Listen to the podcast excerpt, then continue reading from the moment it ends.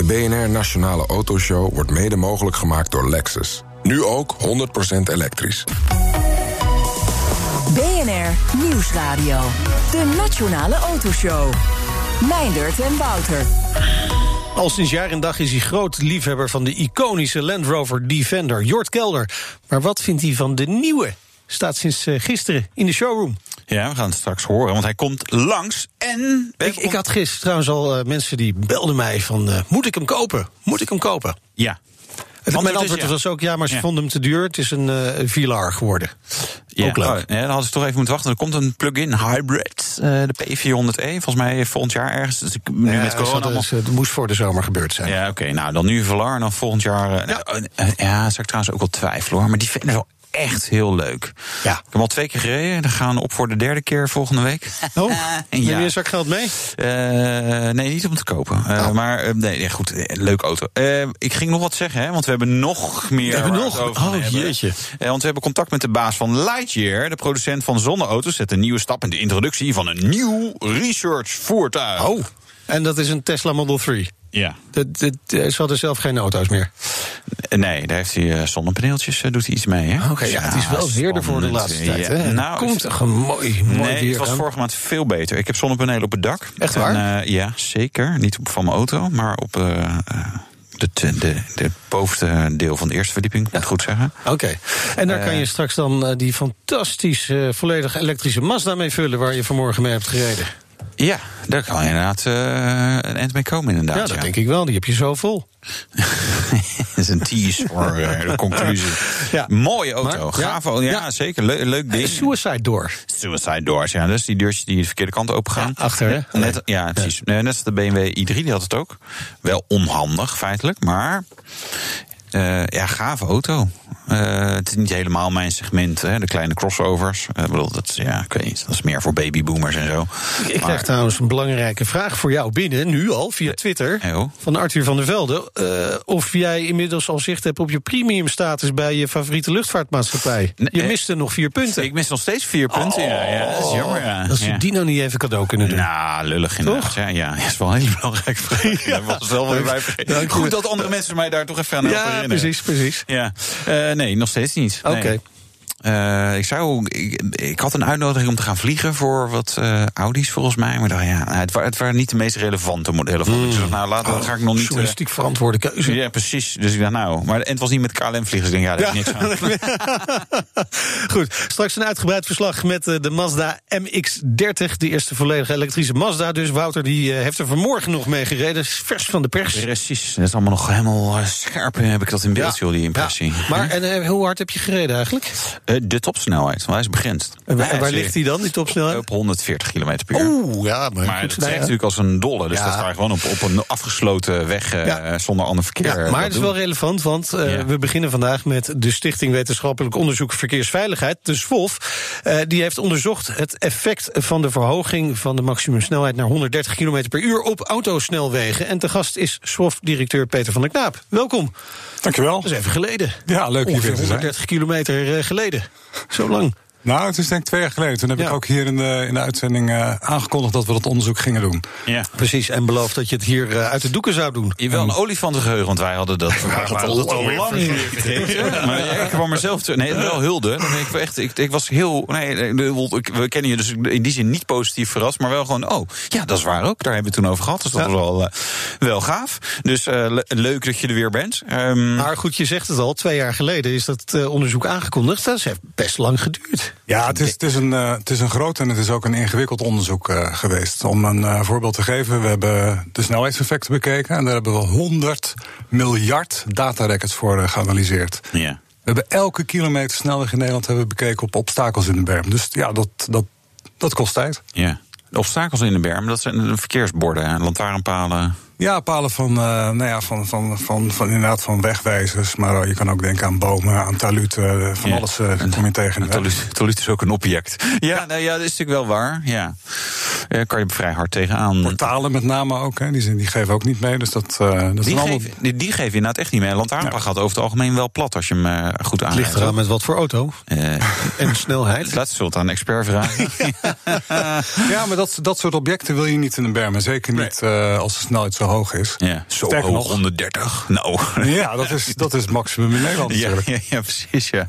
En dan wil je eigenlijk een obstakelvrije bermruimte van 13 meter. En dat, nou, dat was een van de uitkomsten, die, die hebben we nog niet overal in Nederland. Oké, oké, dat is wel interessant. Die houden we nog even vast. Maar laten we eerst even teruggaan naar het begin. Want uh, je begint met die onderzoeksvragen. Waarom wil je dit gaan onderzoeken? Uh, wij zagen een stijging van de, ja, de ongevallen, maar ook van het aantal slachtoffers op, uh, op snelwegen, op autosnelwegen met name. En uh, vooral in 2015 was die stijging fors. Um, terwijl was aangekondigd bij de invoering van de 130 ook dat met compenserende maatregelen uh, die stijging die toen ook verwacht werd, van drie ja. tot zeven doden per jaar, dat die meer dan gecompenseerd zou kunnen worden. Dus dat was voor ons eigenlijk al aanleiding om te gaan kijken, zeker toen de twee jaar daarna. Uh, ja, het aantal verkeersdoden op die autosnelwegen ja. eigenlijk op datzelfde hoge niveau bleef. Ja, en? Wat, uh, hoe onderzoek je dat? Ja, je zegt al 100 uh, miljard, hoe was het nou? Ja, heel veel. Heel veel nou, we, hebben, we hebben naar drie dingen gekeken. We hebben ja. gekeken naar die maatregelen. We hebben gekeken naar het snelheidsgedrag. Dus gaan mensen inderdaad dan sneller rijden na, naar die invoering van die, uh, van die hogere limiet? verschillen zijn ook heel belangrijk voor veiligheid. Dus ja. Dus neem je die toe of, of, of niet? Ja. En we hebben gekeken naar, naar de veiligheid. Dus mensen moeten een beetje doorrijden. Ja, want je zou natuurlijk je kunnen, best veel mensen je zou die kunnen zeggen, mensen blijven, sommige mensen blijven 100 rijden, andere mensen gaan inderdaad 130 rijden. En dan vergroot je Ja. dus dat Ja. verschil uh, in plaats van 100 en 120. Ja, wij komen op, op sommige uh, wegen, zeker die met meer dan twee uh, rijstroken, komen wij verschillen tegen van die op kunnen lopen tot inderdaad 27 km per uur. En dat is- dat is- dat is best, dat is best fors. Ja. Nou, als Als je ze maar goed naar, uit eh, elkaar houdt, dan is dat op zich prima natuurlijk. Als die eh, lage snelheid gewoon rechts blijven rijden en met hogere snelheid links gaan rijden, dan, dan Zeker, kan het op ja. zich. eh, Zeker, het, kan, gaat, gaat vaak goed natuurlijk. Ja. Maar wat je over het algemeen eh, wil, is homogeniteit. Hè? Dus mensen ongeveer dezelfde snelheid, ongeveer dezelfde richting, ongeveer dezelfde massa hebben. dezelfde richting is ook wel prettig. Ja, dat is wel heel fijn. En eh, nou, als, als je op die drie punten eh, achteruit scoort, eh, minder goed scoort, dan, dan is het over het algemeen slecht nieuws voor de veiligheid. Over derde hebben we gekeken naar. Ja, oké, nee, die hou ik even vast. Ja? Ja, Derde hebben we gekeken naar verkeersdoden, Ja. eh, ernstig gewonden. Maar die vielen af vanwege eigenlijk de data die niet goed waren. En daarom hebben we gekeken ook naar wat wij noemen ongevalsincidenten. Dus dat is van alles van blikschade tot vrij, vrij ernstig eh, ongevallen. Ja. Die ook geregistreerd zijn. Oké. Volgens mij hebben we hier wel vaker over gehad, die registratie. Want dat trek ik nu weer op. Ja, we hebben niet naar zwaar gewonden kunnen kijken, maar de registratie is niet goed. Dat is toch best bizar in deze tijd. Iedereen Ja, loopt vind- met een smartphone en kan zo eh, ook... De- Ja, lopen initiatieven ook inderdaad met smartphones om dat goed eh, te, te rapporteren. Ook door, door zeg maar, automobilisten, verkeersdoornemers zelf. Dat is, dat is heel mooi. Ja. Maar ik ben het met je eens. Eh, we missen ook elk jaar nog een aantal verkeersdoden. Eh. Dus zeker ook met die ernstige verkeersgewonden. Wij pleiten voor een diepgaand onderzoek bij elk eh, ongeval wat met dodelijke Ja. afloop zeker. Maar ernstig gewonden kan je inderdaad ook veel beter nog in kaart brengen dan nu gebeurt. Ja. Maar, maar even, eh, we kunnen doorgaans toch wel stellen dat hoe hoger de snelheid, hoe meer slachtoffers. Toch? Dat is. Ja. Dit onderzoek was eh, wat dat betreft een, wat wij noemen een natuurlijk experiment. En dat is anders dan een laboratoriumexperiment. Ja. Een laboratoriumexperiment verhoog je de snelheid, maar dan ga je uit van wegen die op alle punten eigenlijk hetzelfde zijn, Ja. hetzelfde blijven en hetzelfde ingericht zijn, eh, hetzelfde handhavingsregime. En op al die punten eh, was dat nu niet zo. Dus dus aan de voorkant is gekeken waar kan het wel veilig naar 130, waar kan het niet. Er is halverwege zijn er maatregelen genomen om te zorgen dat die 130 wegen veiliger werden. Ja. Je hebt verschillen in de tijd. Ehm, kortom, het is nogal ingewikkeld Veel om dan het effect er zeg maar, toch nog eruit eh, te destilleren. maar dat is gelukt. Ja, het Wouter. is gelukt. Ja. Ja, we bouwen op naar. eh, ja, ja, een uitkomst. En want doorgaans geldt, hè, hoe hoger de snelheid, hoe meer dodelijke slachtoffers. Precies. Zou je kunnen verwachten. Ik heb daar een theorie over dat het niet zo is, maar ik ben, ben- ik ben geen expert. Dus ik, dat laat. Dus, hoe zit dat? Nou, laten we met de snelheid beginnen. De, Ja. de gemiddelde snelheidstoename ehm, is, is klein. Ja. Die is 2 tot Ja. 3 kilometer gemiddeld. Dat verschilt wel wat eh, van, van weg tot weg. Eh, Dus, dus na de maatregel verhoging naar 130 km per uur maximum snelheid is eigenlijk het verschil in snelheid. Alles bij elkaar opgeteld, afgetrokken gedeeld is, is wel 2 mee. tot 3 kilometer gemiddeld eh, eh, dat, dat, dat dat toeneemt per 10 kilometer. En dat komt ook wel overeen met, met eerder onderzoek. Eh, bijvoorbeeld in Scandinavië is dat onderzocht. Maar ook de, de experimenten in 2011, die kwamen ook eigenlijk op eenzelfde soort verhoging uit. Ja. Dus dat, nou, dat heeft dan ook bijna weinig effect op de verkeersveiligheid. Ja, het, het zegt mij dat, uh, want de, verschillen zijn groot. Er zijn uh, ongeveer een derde van de wegen is, is de snelheid verrassend genoeg omlaag gegaan. Ja. Inmiddels gereden. Ja, omdat de mensen bezig waren die borden aan het lezen. Met, uh, tussen, tussen tien en zes. En als de nou. spitsstrook open is en zo. Ja. Uh, dat helpt natuurlijk niet. En nee, wat dat... je heel erg hebt natuurlijk, is... We, hebben natuurlijk naar onze buitengebieden... om het even buiten de Randstad te hebben. Want we, we ja, de buiten de Randstad. Er is ook nog een hele wereld. Zeg maar, ook Nederland nog. Nee, nee, maar Mooie wereld.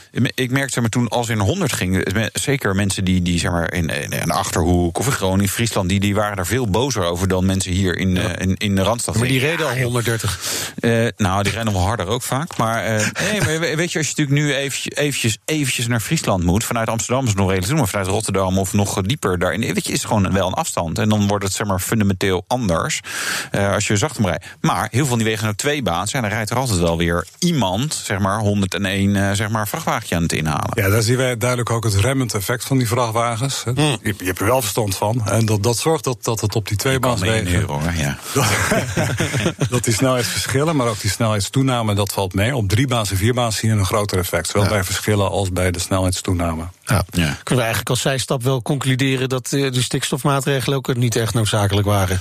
Nee, want we zijn geen niet harder gaan rijden. Dus dan zijn we potje ook niet zachter gaan rijden. Ja, ik vraag me af, maar goed. Ja, nee, nee, ik vind het een terecht en voor de hand liggende vraag. Um, maar uh, eh, RIVM en Rijkswaterstaat hebben daarbij niet uh, zeg maar de volle 30 kilometer naar beneden ingeboekt. Die hebben ook rekening gehouden met, uh, ja, met de werkelijk gereden snelheden. Ja. Ja, ik, ja dus ik, ik, merk nu zeg maar, corona weer wat overgaat. Dus dat mensen er ook gewoon wel weer harder gaan rijden. Want die hebben gewoon die afspraak weer ergens aan de andere kant van het land. Ja, het wordt ook echt drukker op de weg. Weet je, en de voorheen gingen ze allemaal naar de, naar de bouwmarkt. Of uh, naar Digituin kon niet. Maar die hadden, hadden ze eigenlijk niks te doen. Ja, dan hoef je niet zo hard te rijden. Zullen, zullen we eens naar de conclusie gaan? Ja. Wouter, hè? Want Heeft de verhoging precies 130 km per uur... allemaal tot meer verkeersdoden geleid. Tadaa! Tadaa. We zien inderdaad dat uh, het aantal verkeersdoden op snelwegen toeneemt. We zien dat dat bij de 130 wegen uh, enkele doden per jaar uh, sterker toeneemt dan bij 120 en 100 wegen. Maar wij kunnen niet dat eenduidig toeschrijven aan dat effect. Dus dat, dat verschil is te klein om te zeggen dat komt door die invoering van die 130. Ook omdat we ja, rond de twee momenten waarop er heel veel wegen eigenlijk naar 130 gingen, daar zien we juist die toename in de tijd niet. Nee, oké. Dus dat heeft daar eigenlijk. Nou ja, ik, ik, vond wel mooi de conclusie zoals jullie. De verhoging heeft vooralsnog geen aantoonbaar effect op het aantal verkeersdoden. Dat was één. Uh, de, de kans op een ongevalsincident, dus dan hebben we weer de ongevallen, blijkt weliswaar te zijn toegenomen op wegen met een limietverhoging. Maar, en hier komt het interessante, over het algemeen iets minder dan op wegen waar de limiet gelijk bleef. Ja. Ergo, er gebeuren meer ongevallen op wegen waar je 100 en 120 mag. Of 80 of 90, want hebben we, of 70 op de snelweg.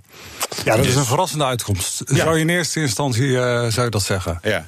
Maar ik ben ehm. tegenwoordig expert. Ik, kan, nee. ik heb een theorie over, maar nee, jullie misschien ook wel. Ik heb, eh, maar, dus, ah, ik, ben benieuwd, ik ben benieuwd naar die van jou ik, eh, ik vond het zelf behoorlijk geestdodend om langere afstanden 100 of 90 te rijden in een treintje. En wat ik dan merk is dat je, je, gaat, je gaat met andere dingen aan de slag. En gelukkig in mijn eigen auto zit de telefoon zo onhandig in een houder. En dan gebruik ik Apple CarPlay. Dat ik denk, ja, ik ga hem er niet uithalen om eh, mijn appje of mijn YouTube of mezelf te filmen of wat ik wil. Uh, maar die neiging heb je wel. Je bent gewoon. Weet je, het, het, het, het, geeft niet druk genoeg. Weet je, je doet het te makkelijk. Je bent niet actief bezig. Nee, niet actief bezig. Het duurt ook veel langer. Het, misschien valt het eigenlijk mee, maar dat, dat is een beetje mijn theorie. Dat mensen gewoon hun telefoon pakken van, en van alles gaan doen. Nou, je hebt zonder meer waar. En, en verkeers... Een expert, echt alweer. Ja, ja kan worden Ja, nee, je bent inderdaad... Verkeersveiligheidsonderzoekers hebben het dan over taakbelasting. En die zeggen van, je, moet, je hebt toch een bepaald optimum nodig... om goed uh, ja, uh, met, met alertheid zeg maar, aan het verkeer deel te nemen. En op het moment dat die laag wordt, dan gaan mensen zoeken naar wat dan heet een secundaire taak. Ja. Eh, gaan bijvoorbeeld die dingen doen die jij, die jij opnoemt. Dus dat is, dat is wel iets om rekening mee te houden. Maar tegelijkertijd is er geen enkel onderzoek bekend waarbij een limietverlaging gepaard gaat met meer dodelijke ongevallen. Dus dat, is niet waar. Ik ga hem voor je opzoeken. Nee, dat is serieus. Uh, ah shit, die moet ik echt op. Er is in de, in, uh, in de Verenigde Staten een onderzoek gedaan. Er werd in, ergens op een highway een snelheid weer verlaagd. En toen gingen meer mensen binnen doorrijden. En er gebeurde erger ja, gebeurde meer ongelukken. Ja, Oké, maar dan verplaats je het. ja. Nou, het verkeer verplaatst, maar ja, het verplaatst zich naar een onveiligere plek. Ik heb het zelf ook als ik naar ergens in de Flevopolder moet. ook denk, ja, je kan over de snelweg of je pakt binnendoor zo'n weg. Want de snelheden zijn op een gegeven moment gelijk. Nee, als je verkeer verleidt om van een relatief veilige weg uh, te dat dat verplaatst naar een relatief onveilige weg, dan heb je gelijk. Maar dat doen we toch? Want ja, ik moet, je moet nu gewoon de kortste weg. Nou, ik denk niet dat we dat nu nog doen met die verlaging. Maar wat, wat mee heeft gespeeld bij die verrassende uitkomst van die ongevallen, is uh, de selectie in 2011, 2012. Toen is wel echt wel goed gekeken van waar kunnen we dat nou wel veilig doen en waar kunnen we dat niet veilig doen. En je ziet uh, samen met de compenserende maatregelen, die ook zijn genomen voor een belangrijk deel, ja. denken wij dat dat wel heeft meegespeeld in die uitkomst dat 120 en 100 wegen en ook 100 en 130 variabele limietwegen, dat, dat daar de. Oké, maar je, zou dan kunnen zeggen dat is dus met verstand gedaan, hè? De, de 130 km per uur wegen uitkiezen. Maar die compenserende maatregelen waar je het over hebt, die zijn, eh, nou ja, acht jaar na dato nog steeds niet allemaal uh, genomen. Nee, dat klopt. Dat is ook een belangrijke uitkomst denk ik, van het onderzoek. We hebben, we hebben met basis, op basis van, van satellietbeelden elke kilometer gekeken naar, naar die objecten in die berm. En dan zien wij dat toch dat ruim een kwart van de wegen heeft nog steeds uh, obstakels binnen de 13 meter die daarvoor staat. En zelfs 10% van de wegen heeft obstakels binnen de 5 meter. Nou, dat wil je niet. Nee. nee. Maar dat zijn dan wel de beste wegen om te vergelijken met de oude situatie natuurlijk. Als, als op die wegen meer slachtoffers zijn gevallen, dan weet je dat die verhoging een negatief effect heeft. Nou, dat is appels met dat appels hebben, Dat hebben we uh, zo niet gedaan. We hebben de afgelopen drie jaar wel gekeken... waar komt het nou doordat het aantal verkeersdoden op snelwegen stijgt. En dan zien we toch dat 40% ongeveer van mensen die overlijden op een snelweg... dat komt door een, een botsing met een obstakel in de berm. Ja, oké. Dus het is een groot probleem. Um, en ik denk ook dat het goed is dat er nu hard aan gewerkt wordt om die laatste obstakels echt weg te halen of, of af te schermen. Wat, uh, hebben we enig idee wat dat kost om dat te, even te fixen? Um, nou, er is een berekening op, uitge, uh, op losgelaten in 2011 en daar kwamen ze uit op uh, eh, 209 miljoen euro dat het zou kosten. En ja, dat is dan lastig, want dat is voor een deel bestaande budgetten, voor een deel zijn dat, zijn dat nieuwe budgetten. Wij komen erop uit dat daar ongeveer 10% echt geoormerkt van is besteed aan die maatregelen. Oké, maar kun je natuurlijk aan de ene kant zeggen, ja, corona, lastig nu hè, investeren. Aan de andere kant, uh, corona, we moeten doorinvesteren. Laten we dit, dit, dit is dus het moment om te zeggen van nou, laten we dat dan alsjeblieft ja, ik, moet, ik, moet even, ja, ik moet je even onderbreken, want we krijgen as we speak de reactie van de VVD uit de Tweede Kamer ah, binnen. Remco Dijkstra, Tweede Kamerlid voor de VVD. Hij zegt terecht dat de SWOF aandacht vraagt voor veilige bermen. Echter, als je bomen wil verplaatsen, komt half Nederland in opstand. Maar ze gaan er alles aan doen om het aan de orde te stellen. Mooie, nou, mooie vangrail eromheen. Ja. Het is ja. gewoon een vangrail omheen. Weet je, we houden staal over. De auto-industrie die ligt helemaal op zijn gat. Dus ik denk, Rubberbomen. Nee. Rubberbomen, nee. Ja, nou ja, nee, natuurlijk. Bij bomen, laat ze alsjeblieft staan. Maar zet er dan niet voor. Ik bedoel, een, een vangrail telt niet als een object, zeg maar, waar je... Nee, geleiderrails. Ja. Zeg, echt, echte verkeersverkeer. Ja, ja, je moet nog wat leren. Klein cursusje, maar dan komt het wel goed. Geleiderrail, ja. Die, die, die, kun je, die kan je inderdaad gebruiken om, uh, om bomen af te schermen. Ja. Die moeten we dan wel weer verbeteren voor motorrijders, hè? Want... Uh, ja, maar er bestaan inderdaad oplossingen voor dat je de onderkant ook afschermt. Uh, het begint trouwens met het niet planten van bomen in die, uh, in die, in die nee. obstakelvrije ruimte. Ja. Aan de andere kant vind ik het wel. Er zijn er heel veel plekken, maar het gaat helemaal niet over verkeersveiligheid. Waarvan ik denk, nou, waarom hebben we hier een hele kale vlakte tussen snelwegen? Planten lekker wat bomen. Ja. Eh, maar dat is goed. Een beetje milieu en natuur is goed. Zeker, zeker. Uh, nog even, want jullie, jullie bevelen een monitoringsprogramma aan om uh, nou goed te kijken naar uh, bijvoorbeeld wat, wat die afschaffing s'avonds of uh, overdag van die 130 kilometer per uur weer gaat betekenen. Ja, want een van de opvallende dingen is ook dat wij zien op die wegen waar je overdag 100 mag en s'nachts 130, daar zien we een, een, negatieve ontwikkeling. Daar is het onveiliger geworden met meer uh, ongevallen in ieder geval. En dat is interessant, want dat hebben we natuurlijk nu overal. Ja. En weet je dan ook of dat s'avonds is of overdag? Um, beide. Nee, dat is beide. Okay, dat, dat maakt dus niet allebei. Nee. En, uh, Wat wel kan, is dat he, die onduidelijkheid waar, waar Wouter het over had, dat kan daar een rol spelen. Ja. Ongeveer de helft van alle automobilisten zegt niet te begrijpen als er twee bordjes op één paal staan. Nee, dus met dat tijdvak, dat klopt. Um, we denken dat het vooral ook weer een selectie-effect is. Dus dat die wegen niet voor niets zijn uitgekozen om niet de hele dag 130 te, toe te staan omdat het ingewikkelde wegen zijn. Denk ja. de A2 tussen Amsterdam en Utrecht, de ja, A4. enorm ingewikkeld. Ja, ik, altijd ben altijd in de war. Ja, moet ik hier gewoon slingeren? Of wat, wat, moet ik hier doen? Zo, uh, ja. Maar het is wel iets om in de gaten te houden, inderdaad. En daarnaast denken we dat je de maatregelen... Uh, dus het, dat afschermen van objecten, het weghalen van objecten... ja, dat moet je ook zorgvuldig monitoren. Ja, en nu hebben we natuurlijk ook weer een prachtig wat ja. wij dan noemen natuurlijk experiment met die verlaging ja. naar 100. Uh, dus het is goed om te kijken of dat een aantal, over een aantal jaar weer minder verkeersdoden oplevert. Zeker omdat je natuurlijk al die compenserende maatregelen nu wel hebt genomen. Ja. ja, nou, daar gaan we het dan weer over hebben, denk ik. Uh, ik kom graag langs. Peter, uh, jullie hebben nu een uh, omvangrijke database. daar ga je nu ongetwijfeld meer resultaten uithalen. maar voor nu bedankt, Peter van der Knaap, directeur van de SWOF. Ja. De rijimpressie. Ja, want er moet ook gereden worden, Wouter. Precies. En jij ging eerder vandaag op pad met de eerste volledig elektrische Mazda. Zeker. Welkom aan boord van de Mazda MX-30. Uh, een compacte crossover. Eerste volledig elektrische Mazda. Uh, dus daar zijn ze best trots op. Ze zijn ook lekker eigenwijs geweest met een aantal keuzes die ze maken. Zo kennen we Mazda natuurlijk ook. Dus dat, ja, dat siert ze in principe wel. Hè, dus, uh, bijvoorbeeld benzinemotoren, ze zeggen turbo's, daar doen we niet aan. We doen uh, dingen met, met nou ja, een soort combinatie tussen diesel en benzine uh, techniek. met Sky Active X. En, want dat is in de praktijk zuiniger. Nou, noem maar, op. Maar daarover gaan we het vandaag in ieder geval eventjes niet hebben. We gaan het vandaag namelijk hebben over deze volledig elektrische Mazda MX-30. Um, aantal eigenwijze keuzes gemaakt. En, en de eigenwijze keuze zit bijvoorbeeld in nou ja, de, de grootte van het accupakket.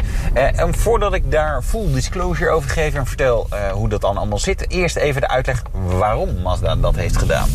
Nou ja, de productie van uh, een auto kost sowieso veel energie. De productie van een batterij uh, en accucellen kost ook extreem veel energie. Dat is ook altijd het tegenargument hè, van de benzine- en diesellobby, gesponsord door de grote oliemaatschappijen. Als je de conspiracy theory uh, moet geloven. ja, je productie daarvan dat, en, en, en dan rijden voordat je dat een keer CO2 zeg maar winst hebt, dan ben je al zoveel kilometers verder. Dat heeft eigenlijk geen zin. Ehm, dus dat één, reden om een kleine accu te doen. Twee, Gemiddeld rijden mensen helemaal niet zo ver, hè? 48 kilometer op een dag. En een derde reden is, gewicht is wel de doodsteek voor een lekker rijdende auto. Hè? Dat hij een beetje goed aanvoelt, dat hij, dat hij zeg maar, soepel en lekker de bocht doorgaat, dat je in control blijft. En dat is Jinba, Jinba Italia. Ik hoop dat ik het goed uitschreef. Maar dit is eigenlijk ja, het concept wat Mazda uh, gebruikt om uit te leggen hoe zij auto's ontwikkelen. En dat gaat over een boogschutter te paard. Die heeft zijn handen nodig om de pijl en boog vast te houden. Je verwacht het niet. Uh, dus moet hij het paard besturen met zijn knieën. Uh, en dat betekent dat dat wel intuïtief moet gaan. Dan moet je goede samenwerking tussen paard en ruiter. Nou, ja, die, ja, die, ja, die. Ga allemaal door. Allemaal reden om te zeggen voor Mazda, we gaan geen groot accupakket gebruiken. Hoe groot of hoe klein is dat dan? Het is 35,5 kilowattuur groot. Dan heb je 200 kilometer range in de gemengde WLTP-testcyclus. In stadsverkeer is het 262 kilometer. Ja, dat is niet heel erg veel. Uh, maar ja, als tweede auto, daar mikt Mazda dan een klein beetje op. Zou dat voldoende kunnen zijn? Dat is natuurlijk een beetje de vraag wat klanten daarvan gaan vinden. Um, je, ja, je betaalt daar dus dan ook niet voor. Dat is natuurlijk ook een beetje de grap. Hè? Accu duur. Uh, als je een, een volledig elektrisch met een groot accupakket is gewoon een best prijzen. Uh, de Mazda MX-30 First Edition is vanaf 33.900 euro. Dus dat is relatief vriendelijk. Uh, daarvoor krijg je dan een auto met 145 pk, topsnelheid 140 km per uur elektrische auto's en hard rijden is sowieso geen gelukkige combinatie. Eh, lange afstanden, hard rijden, dan moet je gewoon een diesel kiezen. Heel simpel. Eh, sprint naar 100, 9,7 seconden. Het is echt een heel prettig rijdende auto. Die, doen, die cijfers doen hem eigenlijk geen recht aan hoe makkelijk en hoe lekker die feitelijk uh, rijdt. Ja, die stilte eindigen. De Mazda MX-30. Ja, Ik, ja, ben je er hiermee naartoe gereden? Had gekund, ja. Nee, je terug denk ik ook nog wel. Nee, Oh, nou, de, de ding denk ik net. Ja, en- maar dat is wel, dat is wel allemaal krap aan. En dan Ja, in de winter. Ja, ja. 200 kilometer, ja, ja, ja. ja. Ze maakt zichzelf lastig. Maar komt er ook met range extender. Alleen dat is in Nederland alweer geen zero-emission auto. Ja. Dus ja, dan heb je weer hoge bijtelling. Dat is weer niet zo interessant. Eh, straks, Jort Kelder, de enige echte, over de nieuwe Land Rover Defender. Want die gingen Jort en ik ooit een keer Ja, samen bekijken. inderdaad. Vorig jaar zomer, voordat er nog corona was. En we spreken eh, Lightyear over de Tesla Model 3... uitgerust met eh, zonneceltechnologie van het bedrijf. Nou, nou, nou, hè. Tot zo. Los. BNR Nieuwsradio. De Nationale Autoshow. Meindert en Wouter. Ja, geliefd door velen, onder wie door eh, Jort Kelder... ook geliefd door velen trouwens, de Land Rover Defender... icoon in een nieuw jasje. Ja, beide niet onomstreden. Dat is, Nee, wel dat is leuk, hè? waar. Ja. past goed bij elkaar. Eh, ja, precies. Sinds gisteren staat de nieuwe Defender in de showroom bij Land Rover dealers. Eh, wanneer kunnen we de order noteren voor Jort? Ja, Jort, welkom. Leuk dat je er bent. Ja. Nou jongens, hey, corona. Ik treed niet meer op op het moment. Dus Nee. ik moet een beetje sparen voordat Ja. ik weer zo'n auto koop. Nee, maar Ja. je kan ook niet op vakantie. Je kan niet uit. Ja, je kan nu weer Oh, uit je- eten. ik, ik rol net weer van het terras af, man. Ik ben katje lam. Maar goed, ga door. Jij was altijd een beetje sceptisch eh, over die nieuwe Defender. Nou ja, kijk, ik ben natuurlijk echt een liefhebber van de oude vierkante lompen. Ja. Ik heb twee Land Rover. Nou, ik heb één Defender eh, van een jaar of tien oud. Zeg maar laatste serie geel kenteken met, met stoeltjes achterin ook nog. En dat is mijn tweede Defender die ik nieuw gekocht heb. En dan heb ik een, een serie 2A uit 1969. Dat is natuurlijk de echte Land Rover 88. Ja. Maar, ja, Maar, dan je- vind ik mijn Defender. Als ik dus daarin rij, die Ja. heb ik in mijn huis in Duinen staan. Maar als ik dan terug naar mijn Defender ga, denk ik: wauw, wat een moderne auto. Totdat ik op de Assadijk zit en na 128 is het klaar. En Ja. bovendien heb je dan een. Nou ja, het is zo windgevoelig, die auto. Het maakt zo'n kabaal. Maar daarom vind ik hem ook leuk. En dus als je. eh, Waarom koop je een Defender? Omdat het alles. Eh, heeft wat een Range Rover niet is, wat een andere auto niet heeft. Het is namelijk gewoon ja, rudimentair, ruig. Beetje vies ook. Ik vind die diesel wel een beetje goor, eerlijk gezegd. Een beetje. En is er, zijn er ook benzine geleverd of niet? Je Kan, Ooit zo'n- waren de ja. V8. En, Ja. en mijn, eh, maar bijvoorbeeld mijn Serie 2A, die, die heeft een 2,2 liter benzinemotor. En rijdt Ja. toch top, 1 op 5. Hè? Ja. En maximale snelheid 85 km per uur. Ja. Ja. Maar die gebruik je vooral op de Wadden? tuurlijk, die rijdt Ja. gewoon rond met. Nou, de duinen, hoe maakt ook niet uit, dat is gewoon leuk. Aan de andere kant, een zou je kunnen zeggen, ja, hoe ruiger, hoe beter. Dus je moet zeker die Ja. 2A rijden. Niet die luxe van een moderne Defender. Ja, maar goed, dat is, ja, dat, die 2A, dat weet je, die, die kan je op een normale weg, dat gaat echt niet meer. Dan, Nee? dan kan je nog beter met zo'n elektrisch karretje uit de stad. Nee, dus eh, ik, ik vind mijn Defender als vierkante, lompe, ja, hele eh, stijl. Ja, ik vind een hele stijlvolle auto. Waarom, weet ik niet precies. Het is ook een hele slechte auto, maar dat vind ik echt attractie eraan. Ehm, ik heb hem ook helemaal uit elkaar moeten laten krabben vorig jaar en op laten spuiten. En nou is hij wel als nieuw, maar ja, dat is natuurlijk ook best idioot van zo'n car. Ja. Ehm, ik vond de nieuwe Defender. Wij zijn toen naar de aanbieding geweest. En ik werd Ja. er toch wel een beetje hebberig van. Ik vond, ik vond het kontje was mooi ontworpen. Dus ik kijk toch naar. Ja, hoe ziet hij er van buiten uit? En Ja. De neus vond ik iets te rond. Nog voor mij wat vierkanter. Ja. Zijkant prima. Behalve een, een of ander raar plaatje wat je ziet zitten.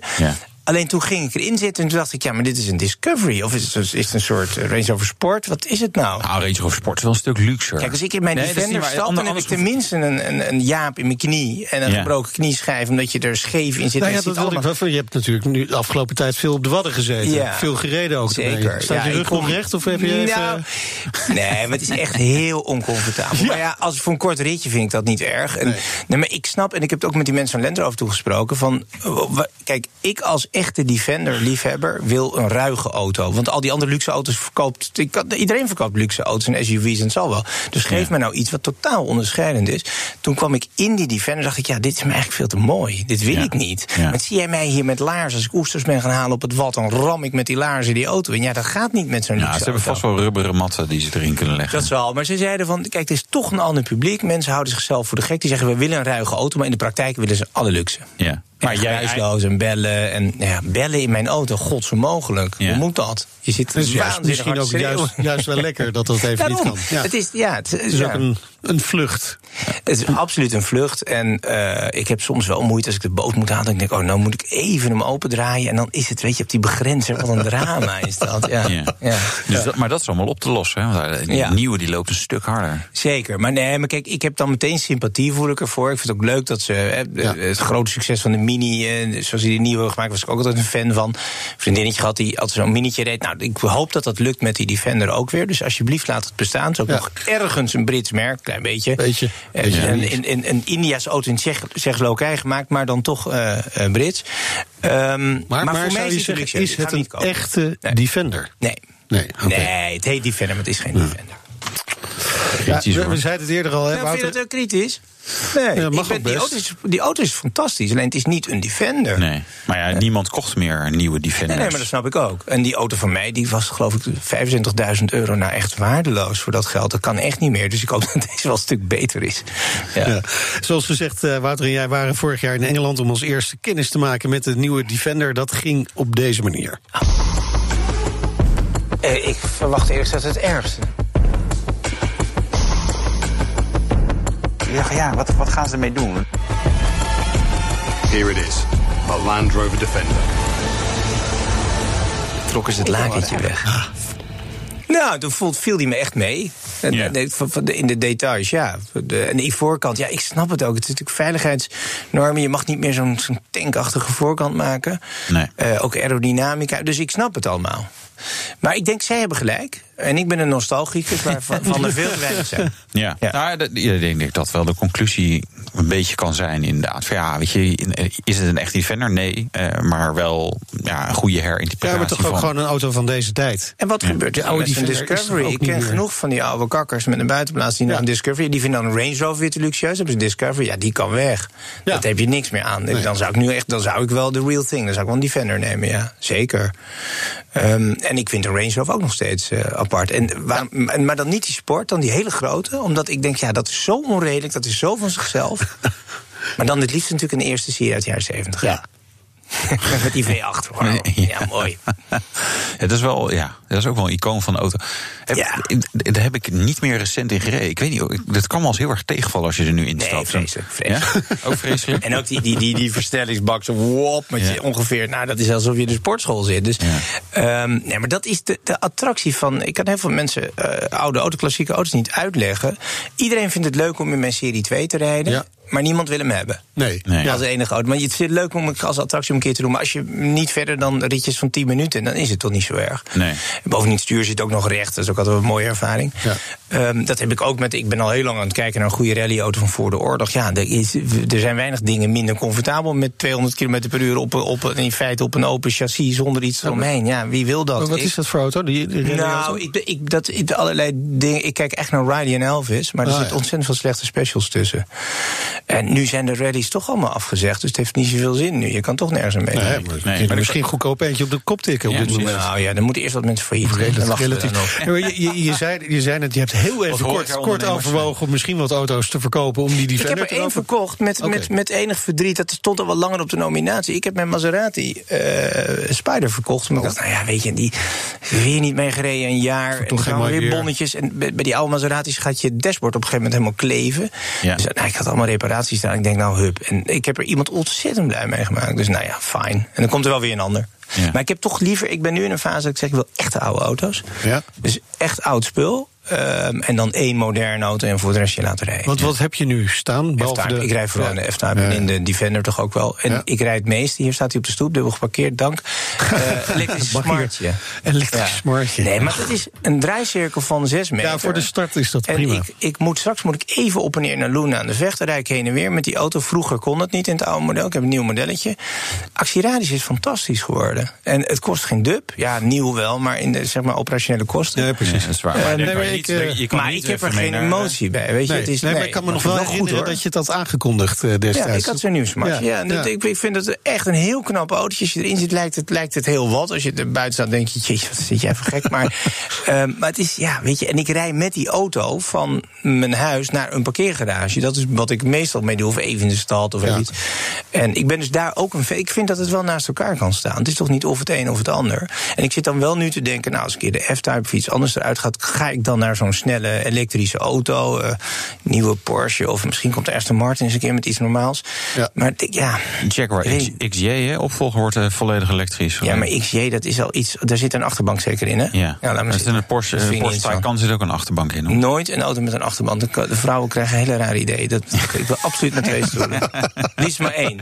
Waarom heb je dan uh, geel kenteken Defender genomen? Ja, voor de ach, dat vond ik toen wel leuk. omdat, die, omdat ik, die, omdat ik die, die, die dichte ramen zo stom vind. Ja. Okay. Zo'n stom gezicht. Je kan er zo'n pick-upje, kan toch over, kon dat toen niet meer. Uh, ja, ze hebben Ja, dat. Maar dan heb je een 130, moet je even de gracht gaan parkeren. Ja. Dat, is, dat gaat echt niet. Ja, nou, maar ja, weet je. je maar ik geloof dat die, die Fender, die blijft ook toch wel populair. Het zal een heel ander publiek aanspreken. Ja, nou ja, fijn dat je er zelf even erop terugkomt. Want ik was toch wel benieuwd. Heeft deze nieuwe Defender de potentie om net zo'n icoon te worden als de oude? Ik denk dat het moeilijker is. Weet je, de, die oude Defenders laat terug tot 1947, geloof ik. En ga nou eens zo'n heel verhaal opnieuw uitvinden. Er is zo ontzettend veel concurrentie. Er zijn zoveel SUV's. Dus ik denk dat het gewoon een goede auto is. En dat ze er heel blij mee moeten zijn. Maar uh -huh. dat het, ja, om nou zo'n helemaal een categorie van jezelf te worden. Dat kan natuurlijk altijd alleen met het origineel. Ja. De Jeep en de Defender en de, en de Range, Range, Rover was de eerste ja. SUV. En, zijn voor, en dat, daar kan je bijna niet over. En zelfs de Cayenne is nooit geworden wat de Range Rover nee. was. Hoe goed die ook is, is waarschijnlijk veel beter. Maar, Aan de andere kant, ja. Mini is natuurlijk wel gelukt. En Fiat met de 500, ik bedoel, ja, de Italianen weten altijd weer dat een klein beetje te verpesten. Maar feitelijk doet het nog steeds heel goed. Dus ja. het kan wel. Ja, met de Fiat heb ik het niet zo. En bovendien, ik hoor altijd die, die drie cilindertjes of twee cilindertjes voorbij komen. Ja, dan, ja, dan ja. kan je met, met Komt nu ook een elektrisch? Uh, ja. Volledig elektrisch? Ja, dat is wel wat voor jou. Ja, ja. Oké. Okay. ja nee, zo'n Fiat, daar heb ik dan toch Even wel een achterbankje. Ze willen ook iedere keer dat ik mijn oude Defender of andere auto's dan met, of mijn oude E-Type heb ik ook nog wel, dat ik daar dan elektriciteit in ga zetten. Nee, dat moet niet doen. Ga je toch een kunstwerk kapot maken? Dat moet je niet doen. Nee. Ja, steeds meer mensen willen het. Ja, maar koop dan consequent een nieuwe elektrische auto. Dat vind ik dan, ja. Die zijn weer niet zo mooi over het algemeen. Eens, ben ik met je eens. Ja. Maar ik vind een E-Type, zoals die Megan, die reed er toch met haar huwelijk in. Er is een hele mooie uh, Serie 1 uh, cabrio volgens mij. En daar gaan ze dan elektriciteit in gooien. Ja, ja je, dit, je, hebt, je, je gaat toch ook niet zeggen... de nachtwacht heeft zo'n oude lijst... wel rammen er even een leuk digitaal dingetje omheen. Ja. Dat kan je niet doen? Nee, nee eigenlijk niet. Ja. Nee, maar je hebt wel een E-Type gehad, toch? Of ik niet? heb er niet. Ja, ja. Oh, je hebt nog ik heb serie 3, ik ben een serie 1. Maar dan moet ik wel een beetje okay. bukken voor mijn nek. en financieel moet ik ook even bukken. maar goed, dat, dat, ja, dat lukt nog wel. Ja. Over uh, nieuwe elektrische auto's uh, gesproken. Blijf even bij ons alsjeblieft, uh, Jort. Vandaag heeft zonneautoproducent Lightyear twee nieuwe research-voertuigen gepresenteerd. Waaronder een Tesla Model 3. Elektrische auto's uitgerust met zonneceltechnologie van het bedrijf uit Helmond. We hebben nu contact met Lex Hoefsloot, CEO van Lightyear. Welkom in de uitzending. We zouden contact moeten hebben met Lex Hoefsloot, CEO van Lightyear. welkom. Ah, fijn dat je er bent. Uh, ja, zeker. Ja, uh, mooi zo. Uh, die zonneceltechnologie die jullie nou met een research auto gaan gebruiken... jullie hebben daarvoor een Model 3 gekozen. Waarom? Jullie hebben zelf toch auto's? Nou, dus de, de doel vooral van deze auto's is om te testen... Ja, het, het, eigenlijk twee verschillende invalshoeken. Dus enerzijds testen hoeveel die opvangt. Um, ja. Het is natuurlijk heel afhankelijk van, van het klimaat. Dus hoeveel hou je, hou, uh, hou je over in de winter? Hoeveel vang je op in de zomer? Uh, hoe vaak staat hij onder een boom? Uh, hoe vaak staat hij toevallig in een parkeergarage? Dus eigenlijk wil je hem zo, zo, zo normaal mogelijk gebruiken om te kunnen bepalen hoeveel, uh, hoeveel we ophalen. En de Model 3 is toevallig een auto die relatief makkelijk aan te passen is. Dus enerzijds is hij elektrisch natuurlijk, maar anderzijds heeft hij gewoon een glazen dak wat je, wat je kunt vervangen. Ja. En daarmee... Uh, nou, stalen dakplaat is er ook zo uit te halen hoor, bij heel veel auto's. Dat is niet zo... Uh, volgens mij kan je, kan je dat redelijk doen. Schadeherstellers kunnen dat wel doen. Ja, nee. Maar... Um, wat, wat is dan de potentie van, van, van, van zonnecellen die op zo'n dak leggen? Want het is uiteindelijk maar ja, toch ook weer een klein dakje. Ja, zeker. Dus dit is echt een researchvoertuig. Hiermee kijken we uh, hoeveel uh, die eigenlijk per oppervlakte opvangt. Dus dan schalen we gewoon het oppervlakte op. Dus hier ligt 0,8 vierkante meter op, op de Light One ligt 5 vierkante meter. Dus je kunt dan natuurlijk gewoon een schaalfactor gebruiken. Um, en uh, wat ook heel belangrijk is, dat we hiermee kunnen testen hoe goed die allerlei trillingen doorstaat, wat de levensduur van het ding is. We gaan natuurlijk, we gaan hem echt gebruiken als prototype, zoveel mogelijk meer testen. En, um, en daarmee dus ook de, de ja, de reliability. Ja, maar wat willen jullie precies weten ervan? Want uh, jullie hebben natuurlijk zelf een auto met een uh, zonneceltechnologie op het dak. Maar is dit ja. echt iets waarmee jullie de markt op gaan zoeken uh, voor auto's zonder daken voor andere merken? Ja, er is altijd een kans in de toekomst. Die, dat is niet iets wat, waar, wat we als ambitie nu hebben. Um, dit is vooral een testvoertuig. Het zou best kunnen dat er meerdere gaan komen om uh, onder potentie te testen. Um, maar je, dus je ziet aan onze technologie dat we daarmee. We hebben een aantal stappen gezet. We, kunnen, we komen steeds dichter bij de markt. Dus we zouden op een gegeven moment ook kunnen besluiten, inderdaad, om ook uh, daken van andere auto's te gaan voorzien met zonnepanelen. Maar dat is heel ook afhankelijk natuurlijk ook van de buy-in van een, van een fabrikant. Ja. Waarom heeft dat zo lang geduurd? Ik bedoel, jullie zijn al jaren bezig met het ontwikkelen van de Lightyear One. En dan zou ik denken, ja, dit is een van de eerste dingen die je gaat testen voordat je claims gaat neerleggen over, nou, we kunnen uh, lekker op, met zonnepanelen uh, met een auto rondrijden. Want dit, dit, dit is eigenlijk de proof, uh, proof of the pudding, zeg maar, in de, in de eating. Dus het daadwerkelijk gebruiken. maar ja, we zijn al een paar jaar bezig. Ja, zeker. Dus de, het paneel is nu volwassen genoeg om dit te kunnen doen. Hm. Dus we zijn veel eh, aan het eh, testen geweest intern. En nu uh, kunnen we echt een stap zetten naar, naar extern. Dus die auto gaat rijden weg. En tegelijkertijd hebben we natuurlijk heel gefocust op de auto zelf. Dus de afgelopen jaren hebben we echt een teken gestaan van... hey, die, die, die zo, zo dicht mogelijk richting productie krijgen. Ja. En um, we hebben daar natuurlijk 120 uh, voor, voorverkopen voor verkocht. En daarmee um, heel erg focus op dat stuk. En we zien deze, kijk, de markt aan de andere kant voor, voor zonnepanelen indaken, die is er natuurlijk ook. We hebben mhm. gezien dat die, eh, de potentie van puur het vervangen van een dak in een auto, uh, de, de markt daarvoor, die, die is er wel. Maar die is heel erg specifiek. Dus dat is bijvoorbeeld als je je airconditioning wil laten draaien op, uh, op het kleine dakje van, van deze Model 3, dan zou dat in de toekomst wellicht kunnen. Of hetzelfde voor de, de, de veiligheidscamera's die we laten draaien, zodat je batterij niet leeg raakt. Maar dat is niet, niet zo heel veel natuurlijk. Zit er nog meer potentie in die, in die zonneceltechnologie? Ja, zeker. Nou, je kunt, dit zijn auto's, maar je kunt natuurlijk ook denken aan andere voertuigen. En uh, dus wij houden gewoon de markt in de gaten, kijken waar, uh, waar klanten op inhaken. We krijgen vandaag heel veel leuke reacties van mensen die zeggen van... hé, hey, vrek, uh, op die manier zou ik het ook wel willen. En uh, uh, daar kunnen we nu naar gaan kijken of het interessant is om ook als, als markt te gaan aanborden.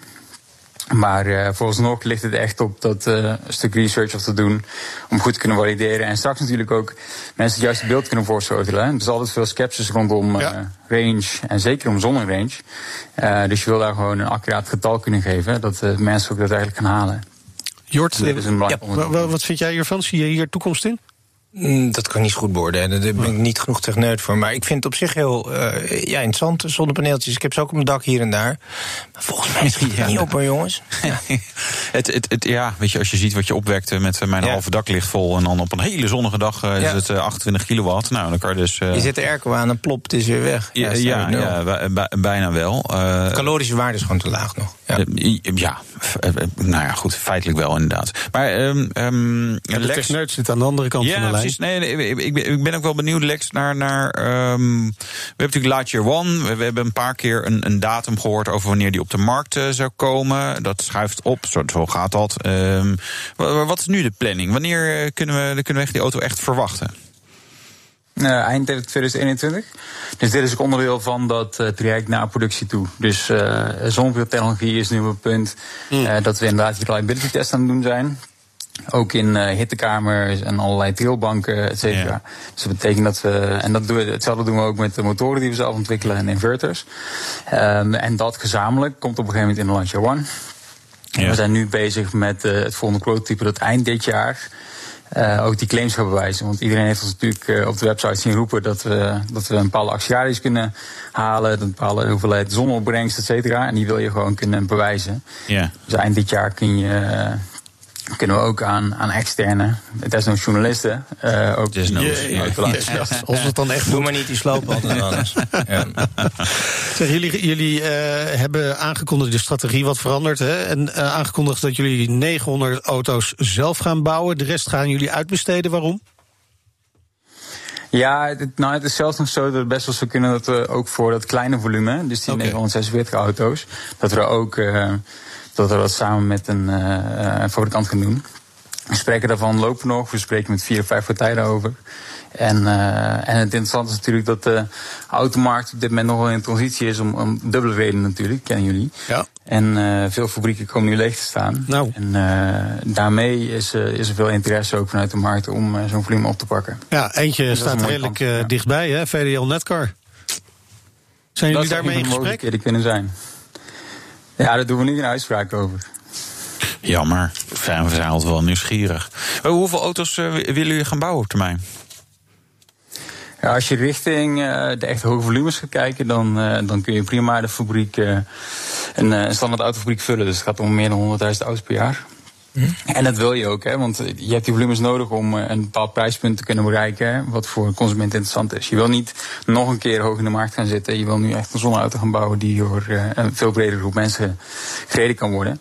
Dus je kunt er beter ambitieus insteken en meteen met die grote volumes gaan. Ja. Ja, de, de Lightyear One is natuurlijk nog relatief prijzig. Dus dan, dan, dan moet ja. er nog wel wat water door de zee. Uh, in de vorm van een nieuw model wat veel goedkoper moet zijn om, om, om, om dat waar te kunnen maken. Toch? Ja, zeker. Ja, en het concept is zelf natuurlijk inherent uh, niet duur. In de zin dat ze, als je kijkt naar de, naar de componenten die je gebruikt om straks een hoog volume een, een auto te gaan ontwikkelen, dan zijn die, uh, die worden nu al op grote, grote schaal geproduceerd. Mm. Dus daar is het probleem niet. Het is echt de schaal bereiken met een bepaald model, mm. om daar een terugverdientijd goed te krijgen wat nodig is om dat uh, prijs te bereiken. Dus, uh, Lightyear One heeft een achterbank, dus niks voor jou, uh, Jort. Lex, komt er nog een leuk sportmodel aan? Staat die in de planning? who knows, who knows. ja. Maar is, ik, weet, ik weet niet hoe die eruit ziet. Ik vind heel veel van die moderne auto's, maar ook die, die bijvoorbeeld de Tesla's en zo, ik vind ze toch saai. Ik vind de meeste, ik wil romantiek in een auto, ik wil een verhaal. En ik hoef niet een windtunnel dingetje. Ik vind de meeste elektrische auto's echt, er rijden seksloze mensen in, niet te geloven. Kijk, dit is pas een uitspraak. Uh, ja, One heeft, ik ga je even is, foto's laten zien. Zeker uh, stroomlijn. Uh, welk karakter? Ja. ja. ik vind, ja, dat nou, eerlijk gezegd, het is een arts impression, hè, maar dat ziet er wel cool uit, ja. ja. Nou, goedgekeurd door ja, Jort nou, Kelder. Wat wil je een beetje uit de Citroën-fabriek of zo. Wat? Een, nou, een inderdaad. Ja, heeft wel wat Citroën-achtigs. Ja. Ja, ja. Nou ja, dat uh, lang geleden, toen Citroën ook nog mooi was. nou ja, dat is in ieder geval een... DS, ik, ik, SM. Dus een stempeltje van goedkeuring, vind ik, hoor, Lex. Nou, zeg dat, dat als ik het goedkeur, ben je meestal failliet. Uh, vrij kort daarna. Dus ik zou dat niet uh, omhelzen. Ik, ik, ik vertegenwoordig niet de smaak van het volk. Nee, dat weet je wel. Met een nou, smart en een, en, en een Defender of geel kenteken. Is nee. werkelijk onafvolgbaar. Sorry, Lex, jij zei nog iets. Ja. Nee, heel erg welkom bij ons in het lab. Uh, ja. Om een keertje van dichtbij te komen kijken. Want ik weet alleen maar dat die Fisker ooit had zo'n zo'n zonnedakje. Maar ja, daar kon je niks mee. Daar kon je nee. geen kachel mee aanhouden. Maar ja. voor de rest, dus hoe kun je echt, heb je echt zoveel power dat je, dat je er een flinke actie aan. En wat doe ik dan in november? Ja, dus Lightyear One. Uh, misschien goed om even toe te lichten. Ja, Haal je we Nederland hebben er helaas geen tijd voor. Dat mag, okay, mag je een keertje in het lab gaan uitleggen aan uh, Jort. Nee, je hebt het bij ons al een keertje verteld. Uh, dankjewel, Lex uh, Hoefsloot, CEO van Lightyear One. En uh, Jort, ook jij hartelijk dank voor je komst. Ja. En, gast erop. ja, gast erop, zeker weten. Ook Precies. op de economie, hè? Alsjeblieft zeg. maar de terrasjes gaan weer goed hoor. Wow. Ja, precies, ja. die zitten weer vol. Goed, dit was de Nationale Autoshow. Terugluisteren kan via de site, de app, Apple Podcast of Spotify. Abonneer je ook vooral op onze podcast. Uh, ik ben Wouter Karsen. En mijn naam is Meijnerd Schut. Tot, Tot volgende, volgende week. week. De BNR Nationale Autoshow wordt mede mogelijk gemaakt door Lexus. Nu ook 100% elektrisch.